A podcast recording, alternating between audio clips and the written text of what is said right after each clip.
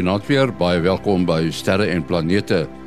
Vanaand in die program aan die woord Dr. Jappie van Sail en Willie Koorts. Ons gaan net nou luister na ruimte weer nuus, maar hier is eers ruimte nuus wat geskryf is deur Herman Turin in Bloemfontein. Die idee van 'n konflik in die ruimte is nie nuut nie. Nie alleen sê verskillende bose magte mekaar in ruimtefiksie al lankal die stryd aan nie, maar die FSA het in Desember verlede jaar sy planne vir Space Force in werking gestel. Maar voor dit het ruimtetuie van die Amerikaanse weermag al ruimtevlugte in die strengste geheimhouding begin vlieg. Nou het die FSA in Engeland die Russe daarvan beskuldig dat die Russe 'n tipe ruimtewapen afgevuur het en dat die wapen satelliete kan vernietig. Rusland het bloot erken die land gebruik nuwe tegnologie om die gereedheidsvlak van wapens te toets. In 2007 het 'n Chinese missiel 'n wapen op 'n satelliet wat van vooraf gekom het afgeskiet. Die VSA het egter reeds in 1985 met 'n soortgelyke wapen 'n satelliet afgeskiet. Die sogenaamde Suid-Atlantiese anomalie wat al beskryf is as die eerste teken dat die aarde se magneetveld begin omswaai het sodat suid op 'n kompas noord wys en die noord weer suid blyk met nuwe studies reeds so wat 11 miljoen jaar oud te wees. Die navorsers meen dat dit onwaarskynlik is dat die vreemde gedrag van die anomalie met die omskakelings verband hou. Die laaste groot omskakeling het so wat 750 000 jaar gelede gebeur. En met die gemiddelde lewensduur van 22 000 jaar, voel sommige wetenskaplikes die omskakeling is reeds baie lank agter skedule. Oor die afgelope 150 jaar het die aarde se magneetveld met minstens 10% afgeneem, wat aanduidend is dat die omswaai daarvan in relatiewe terme op hande kan wees. Ander meen dat sou die afname teen die huidige tempo voortduur, sal dit 1500 tot 2000 jaar duur om te verdwyn. So wat 4000 jaar gelede was die magneetveld nog 2,5 Gauss sterk. Maar nou is dit nog net so wat 0,5 Gauss. In Januarie 2014 het NASA opnuut aangekondig dat die magneetveld kan omskakel en selfs 'n gerusstelling uitgereik dat dit nie die einde van die mensdom sal beteken nie. Tot sover dan ruimtenuus geskryf deur Herman Turin in Bloemfontein. Nou tyd vir weersake, ruimteweersake. Hier is eh, Kobus Olkers in Florida, Amerika. Goeienaand en goeienaand luisteraars. Ja, hier sit ons nou 'n week waar ons satelliet 'n bietjie probleme gee, uh, maar ons doen maar die beste wat ons kan sonder sonder te veel data. Die eerste ding wat ons baie duidelik van weet uh, op hierdie stadium is dat daar nou twee sonvlekke op die gesig van die son is. Dit beteken hy begin nou 'n bietjie weer besiger raak.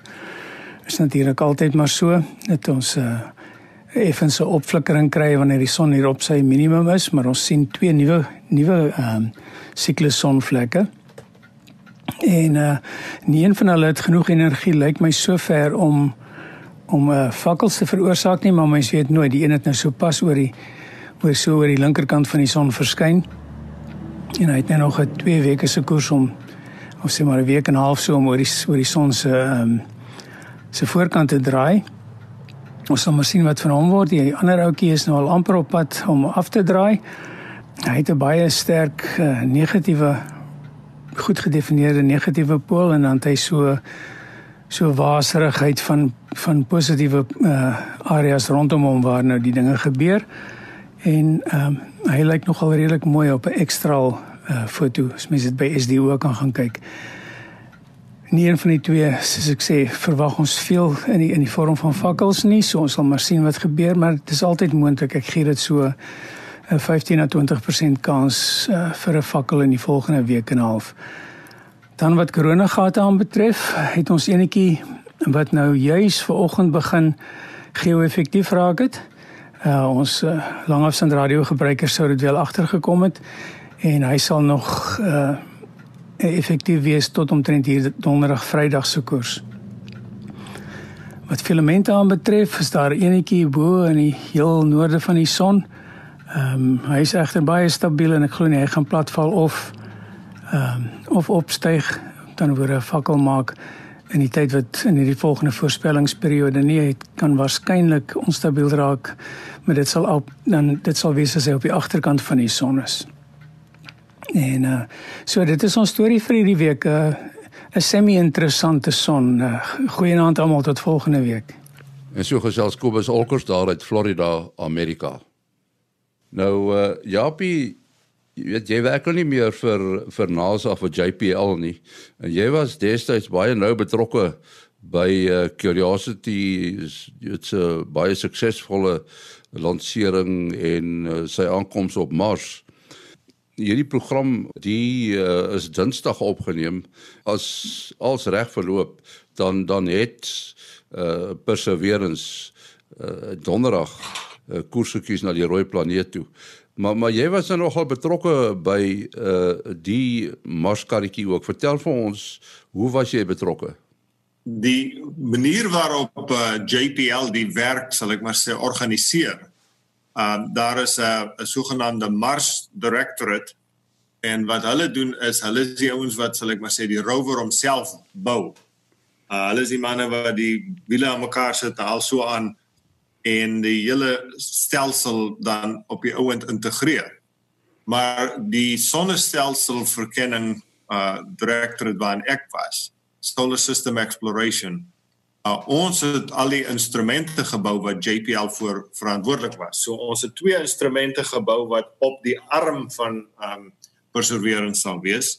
Uh beide van hulle is uh uh natuurlik daarop toegespits om te kyk of ons kan vorige teke, tekens van vorige lewe uh fossiel lewe in in die klippe kan opspoor. En uh die twee instrumente is altyd soos ek sê op die arm uh en hulle sal dan nou van baie naby fotos neem en en uh, details van die spektrum van die lig wat terugkom kyk om te kan sien of dit enigstens daar residue in die klip is wat wat deur bakterieë nagelaat is en so aan. En dan het ons natuurlik uh uh nog twee ander eksperimente ook op die rover hierdie keer waarvoor ek verantwoordelik was. Die een is die sogenaamde MOXIE uh Mars Oxygen Experiment. En die um hele doel van die eksperiment is om suurstof te vervaardig daar op Mars uit die koolsuurgas wat op Mars in die atmosfeer voorkom. Meeste van Mars se atmosfeer is natuurlik kool, koolsuurgas. En so hierdie instrument gaan dan van die koolsuurgas insuig in die instrument in en dan die koolstof en en suurstof molekules uit um uh, atome uitmekaar uithaal en vir ons uh suurstof die O2 molekules maak. En die idee is natuurlik om dit as 'n demonstrasie te doen sodat indien ons in die toekoms uh astronauts na Mars toe wil stuur, uh, dan kan hulle die suurstof op die manier ver, vervaardig op Mars. En dan die ander eksperiment is natuurlik die klein helikopter Ingenuity wat ons in 2013 daar by JPL begin het. Ek het oorspronklik die hele projek daar begin en aanvanklik vir ons die geld gegee en toe op die oomblik uh om my waarheid te sê ek het my aftrede datum by JPL gekies uh om 2 weke nadat ons die helikopter aan die um aan die rover afgelewer het, het ek JPL toe verlaat. Ja, dis eintlik 'n hele handvol nee, verlang jy nie terug na JPL toe nie. Ja nee, mense kan nou nie help nie, jy weet uh, as jy nou dink die manne sit nou daar almal in Florida as ek nou nog by JPL was, sou ek seker ook in Florida gewees het om seker te maak dat al die goederes wat ons verantwoordelik vir is alles reg is. Dis 'n baie opwindende tyd so met so 'n lansering maar jy weet een of ander tyd moet 'n man nou maar die die draadjie knip nê nee, en uh, en dit was nou vir my die regte tyd om toe van JPL weg te gaan. Hoe, hoe verskil uh, Curiosity van uh, Perseverance? Wat is die groot verskille? Uh daar's eintlik bittermin verskil as jy die twee rovers langs mekaar sien staan. Dan uh, is daar 'n paar wat ek sou sê meer kosmetiese verskille. Die wiele die die uh van um perseverance is 'n klein bietjie anders. Hulle is hulle is meer soos die wiele van die oorspronklike opportunity en spirit was. Uh bietjie fyner um uh sal ek maar sê treads op die wiele gesit, maar oor die algemeen lyk die twee rovers omtrent presies dieselfde. Albei het hierdie groot arms, albei het hulle hulle kernkragopwekkers aan die agterkant. Die groot verskil is wat binne in die twee aangaan. Uh die instrumente op um Perseverance is spesifiek uh gekies om te kyk of ons kan tekens van vorige lewe kan opspoor. Curiosity se doel natuurlik was om seker te maak dat ons kon uitvind of Mars ooit lewe kon ondersteun. En hulle het natuurlik nou baie duidelik bewys dat dit wel die geval is, maar die instrumente op Curiosity was nooit ontwerp om te kyk vir fossiele en jy weet vir enige tekens van vorige lewe nie. Dis waarom um die die rover wat nou dieselfde blyk perseverance teruggaan, maar hierdie keer het ons ander instrumente. En dan het hulle natuurlik 'n ander groot doel hierdie keer en dit is om monsters op te tel uh, uh vir en voor te berei vir die sogenaamde Mars Sample Return Mission wat later sal gebeur. Hulle sal nou hierdie uh, is monsters wat hulle optel. Hulle sit hulle in sulke metaalproefbuise en dan seël hulle die goeters en dan vorentoe sal 'n ander rover hierdie um, hierdie voorwerpe kom optel en dan terugbring na die aarde toe. Die die storie van die wiele wat jy nou van praat, laat my onmiddellik dink oor 'n opportunity wat hulle wiele omtrent stukkend gery het want in die eerste plek hulle was nie bedoel om so baie lank en ver te ry nie. En en toe hulle net gehou en gehou en gehou en toe hulle uiteindelik al moes hulle al 'n pitstop gaan gaan maak het soos wat hulle hulle wiele stukkend gery het. Ek neem aan van die veranderinge wat julle nou gemaak het aan aan aan hierdie nuwe rovers is ook omdat om om hulle wiele se leeftyd bietjie uh, te verleng omdat jy goeders ge, gesien het. Natuurlik die enigste is maar in die in die kameras. Uh, interessant net uh, wat ek nou aan dink nou die dag toe sien ek 'n uh, video is eintlik uh, een van die Mythbuster ouens Adam Savage dink ek hulle is besig om een van die oorspronklike maankarretjies wat toe nou nooit gebruik is nie ehm um, as hulle besig om heeltemal op te doen en hy gaan gaan ergens in 'n museum uh, uh, verskyn. En dis interessant hoe hulle daai goed se wiele gemaak het. Hulle het blykbaar 'n uh, klaviersnare geneem. So, ek weet nog nie wat se noot het hulle gebruik nie, maar ehm um, en en en dit was so 'n uh, uh, sulke snare wat dan so in die ronde ge amper soos 'n spiraal gedraai was wat uh, dan die band gevorm het. So dit is ook 'n metaalwiel, maar die ene kon nou taamlik uh, hy kon 'n bietjie bietjie veer uh, deur die wiel self wat meegee. En natuurlik op die aarde kan jy hom nie neersit op sy wiele nie want dan gaan sy wiele pap wees want dit is die swaartrekkingskrag aantrekkingskrag is iets so 6 maal meer hierso op die aarde so die die karretjie word die hele tyd in die lug gehou dat sy wiele kan hang anderster uh uh soos ek sê gaan hy sy wiele lelik seer gemaak het. Ehm um, so ek neem aan die hierdie hierdie tuigies met hulle klipharde wiele seker maar 'n stamperige rit wat jy dan het op Mars. Uh ja nee, dit is dit ek dink nou nie dit sal so pret wees om op op die op die karre te ry op Mars nie nou en gelukkig loop hulle nou nie baie vinnig nie. Uh maar maar jy het 'n belangrike punt daar uh, opgebring want uh, curiosity so ongeveer 3 4 maande in sy sending in het ons agtergekom dat van sy wiele het groot gate ingekry. Mm -hmm. En dis natuurlik uh, curiosity weeg heel wat meer as die vorige twee. Ehm um, en uh, as gevolg van die feit dat Mars se aantrekkingskrag hoër is as die van die maan en so voort uh het ons besef dat daar uh, sekere dele van Mars as jy oor die grond ry, dan is hierdie kar swaar genoeg dat die klippe gate deur daai aluminium wiele steek. Ja. Um so toe ek nou vir die manne altyd gesê hierso jy jy moet onthou die nie, die naaste tire shop is so 300 miljoen kilometer weg. So man moet versigtig wees met jou wiele daar op Mars. Dis deel van waaroor ons die die veranderinge aangebring het uh op op die wiele vir perseverance ja. Hmm. Ja, Japie, hoe werk julle uit waar presies moet uh, so 'n tuig gaan land? Jy weet Perseverance, Curiosity het nou gaan land, maar waar op moet Perseverance nou gaan land? Jong, uh, Henny, dit is eintlik 'n lang proses wat met hewige argumente gepaard gaan. Uh wat wat gebeur is die die NASA byvoorbeeld vra vir die uh, wetenskaplike gemeenskap waar is die beste plekke om te gaan land as ons byvoorbeeld nou kom ons neem die geval van perseverance as ons wil soek vir plekke waar daar dalk tekens van vorige lewe kan wees. So dan kom hierdie ouens nou vorendag met uh, 'n uh, hele klompie voorstelle en dan is daar nou 'n komitee van mense wat nou met hierdie uh, sal ek maar sê die die voorstellers van hierdie plekke moet dan kom na vergaderings toe en hulle moet hulle aanbieding doen waarom hulle plek nou die beste plek sou wees om uh, om daar te gaan land en die uh, tekens van die lewe te kan opspoor. En jong dit is uh, dit is erger as 'n uh, presidentsiële verkiesing hier in Amerika soos wat die manne aangaan. Uh, omtrent uh, mekaar lobby en te kere gaan om ondersteuning te kry vir hulle plek uh en op die ouend het hulle nou Jezero krater gekies. Alle aantekenings was dat dis op 'n op 'n stadium was 'n warm bronne daar gewees. En as ou nou dink op die aarde wat gebeur by warm bronne is dit natuurlik heelwat bakteriese lewe en so aan daar. En dit is hoe die plek toe nou op die ouend uh ge, gekies is as die beste plek om te gaan land um sodat ons die grootste kans sal hê dat ons wel die antwoord sal kry waarvoor ons soek.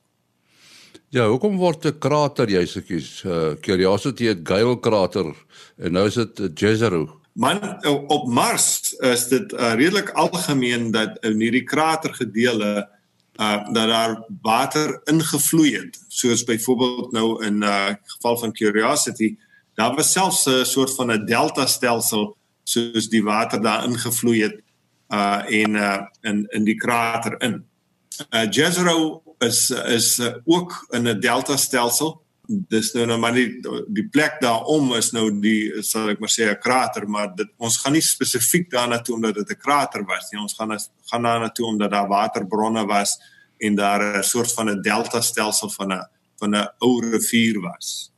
Ja, ek kyk op die aarde die die een van jou beste plekke om geologie geologie te bedryf is is in 'n in 'n in 'n cutting waar hulle die pad gesny het om om uh, om om gelyker te kry.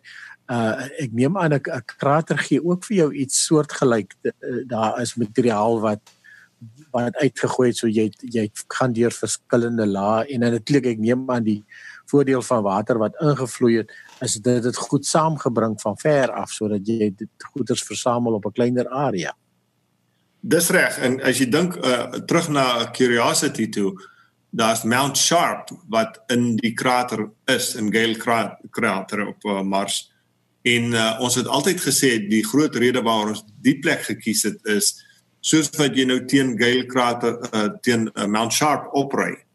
Ry jy eintlik vorentoe in die geskiedenis. Die die klippe wat heel onder is is natuurlik die oudste klippe en soos wat jy teen die berg opry, ry jy sal ek maar sê uh vorentoe in die geskiedenis van Mars.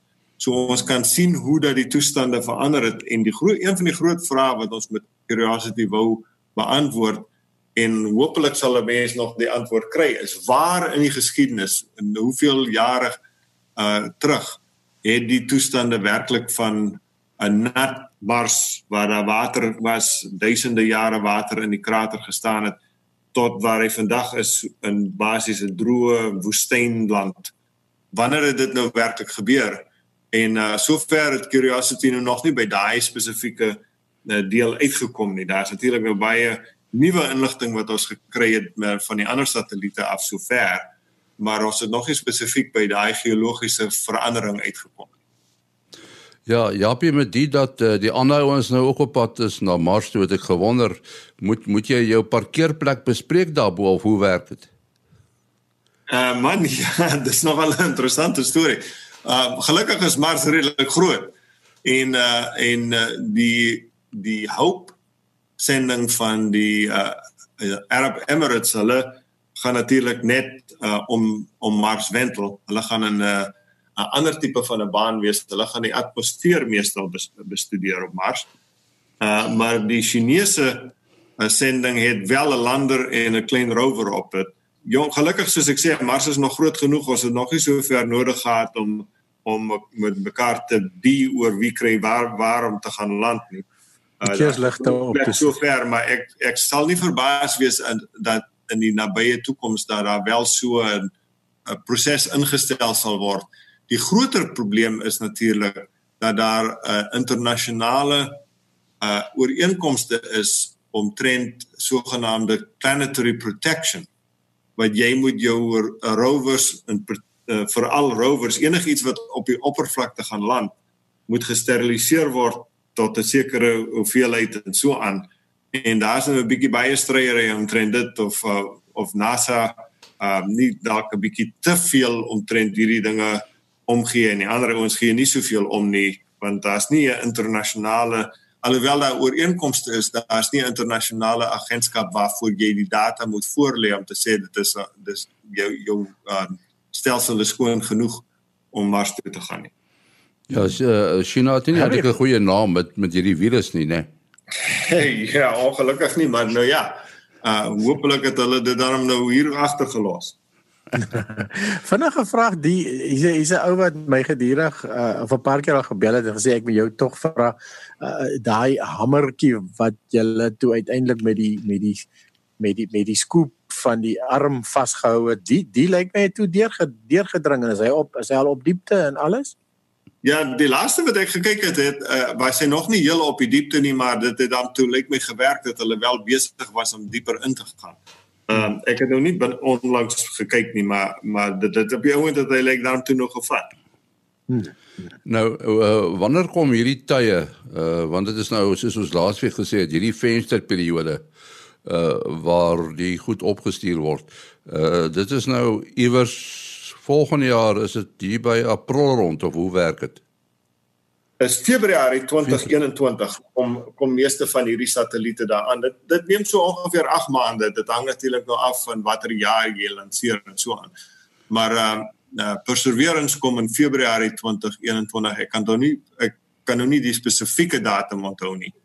Maar uh, hulle kom in Februarie volgende jaar daar. Wat vir my interessant is is uh, die manier hoe Curiosity op die planeet neergesit is gaan gaan julle dieselfde of is nou nie meer julle nie gaan NASA dieselfde prosedure volg met uh, Perseverance. Uh, ja, dit is presies dieselfde manier. Dit is die sogenaamde sky crane land uh, landing wat hulle weer gaan doen. Oor die algemeen, jy weet as iets gewerk het dan dan moet jy 'n goeie rede hê om dit nie weer so te doen nie. En in hierdie geval uh, is dit die vir die groot groot rovers soos wat um, Curiosity en Perseverance is dit is dit by verre die die uh, veiligste manier om te land. So hulle gaan dit weer so doen. So van landing gepraat, het jy enige idee hoe die wat se um, meganisme met die Chinese gaan land? Uh jongs soos ek verstaan, hulle daar's nie so baie goeie inligting omtrent dit uh, beskikbaar nie, maar soos ek verstaan volg volg hulle baie dieselfde manier as wat Viking in 1976 gedoen het. Hulle gaan eers met hulle satelliet om Mars wentel vir vir 'n tyd. En dan besluit hulle wanneer hulle nou reg is om te gaan land, dan gaan hulle die lander laat afgaan en die lander homself gaan land soos wat Viking en uh, ook uh, Insight geland het. Hulle gebruik vuurpyle om tot naby die oppervlakte, uh, jy weet dan dan sit jy die vuurpyle aan en gaan die stadig hmm. genoeg af tot jy geland het. Dit jy kan dit is 'n baie veilige manier om dit te doen as jou as jou landers nie te groot is en te swaar is nie. Dan kan jy dit hmm. basies goed so doen. Ons moet moet moet ook praat oor uh afkyk by mekaar uh die internasionale samewerking want uh jy weet jy het vroeër gesê dat daar by julle of by uh, JPL is daar 'n klomp ouens wat uh trajecte uitwerk en uh allerhande goed doen. Uh, julle help vir ESA en so voorts. Wat doen die Emirate en China wat dit betref? Gaan hulle op hulle eie aan? Uh sover ek weet, gaan China op hulle eie aan. Ek weet daar was oorspronklik uh onderhandelinge om vir JPL om soort van agter die skerms 'n bietjie vir die Emirate te help want 'n uh, hele paar van die uh, um Amerikaanse instansies was betrokke by daai sending van hulle. Um en JPL gewoonlik doen wat ons noem shadow navigation vir vir meeste van hierdie uh, hierdie ander sendings uh, van Indië en so en wat gaan ook. Maar jy weet die mense begin nou al slimmer raak en rekenaars begin al meer kragtig word so uh dis nie nou meer so 'n geval van net net JPL weet hoe om hierdie um navigasie te doen nie. Hulle is nog steeds uh, wat my aanbetref die beste in die wêreld wat dit aanbetref vir alles jy nou verder in die sonnestelsels moet ingaan. Maar tot by Mars, um, ek dink China be, uh, beoog om dit hulle self te doen en natuurlik Japan het het uh, ook reeds hulle klein uh hoppertjie daar, 'n landertjie daar op die een van die maane van van Mars gesit. So dit is nou nie meer so ehm um, sal ek maar sê so ongelooflike uh black box soos hulle in Engels sê hoe om daar uit te kom. Die mense begin dit nou self uitwerk. Ons moet ook so 'n bietjie gesels oor uh, oor die Dragon kapsule wat daar by die internasionale ruimtestasie is uh Elon Musk se uh, speeldingetjie. Uh dit lyk my alles het baie suksesvol afgeloop. Hulle kom nou is dit hier vroeg Augustus terug, né, nee, Japie? Ja, die plan uh was om die 2 Augustus terug te kom en sover lyk alles nog baie goed. Dis natuurlik 'n baie luukser kapsule as wat uh as wat astronauts voorheen gehad het. So hulle ek ek verstaan nie die ouens wat daarmee opgegaan het is is baie beïndruk met hoe hoe lekker die uh ondervinding vir hulle was en alles uh lyk asof hulle baie baie goed afgeloop het. So uh, ek dink dit is 'n groot stap vorentoe. Mense moet uh, dis dis uh, belangrik om te onthou dis die eerste keer wat NASA met 'n um, volledig sal ek maar sê 'n kommersiële um kapsule na die ruimtestasie toe gegaan het. Voorheen was dit altyd die regering wat verantwoordelik was en NASA wat die goed gebou het alhoewel hulle nou kontrakte vir ander ons gegee het, maar dis nou die geval hierdie geval was nou Elon Musk hulle die hele ding ontwerp, gebou, getoets en alles. So dit is 'n ongelooflike groot stap vorentoe en baie mense sien dit as die eerste stap tot ehm um, you know uh, algemene ruimte toerisme in die toekoms uh, waar mense nou kan uh, na stasies soos hierdie daar toe gaan vir 'n paar dae as jy genoeg geld het natuurlik. uh, uh ook uh, heeltemal iets anders. Uh, wat kon jy daarom vernuwe why sien die komeet? Ek het nou nog nie probeer nie. Ek het net ander mense se foto's gekyk. maar uh, ja, dit is dit is wonderlik soos wat ons min of meer voorspel het vorige program. Ehm uh, het hy het hy toe sy sy kop uitgesteek. Ehm um, ek sien uh Oleg uh daai uh ja, het, het uit Johannesburg uit uit die uit die uit die middestad uit amper die heel eerste keer met 'n helder straatlig daarom nou net die kop van die komeet en toe later aan die stert gekry. Um uh daarvan van uh die kellers en uh, Billy Beats het Johan en en en en uh, uh kos het, het het ook foto's ingestuur en toe en toe begin hulle nou oral te verskyn maar nou ongelukkig soos wat ons gevrees het soos wat die komeet nou verder en verder van die son af beweeg dit was nie lank voor dit wat dit om ten minste nader aan die aarde was nie maar uh, die komeet begin baie baie vinnig helderheid afneem. Die maan groei nou ongelukkig ook.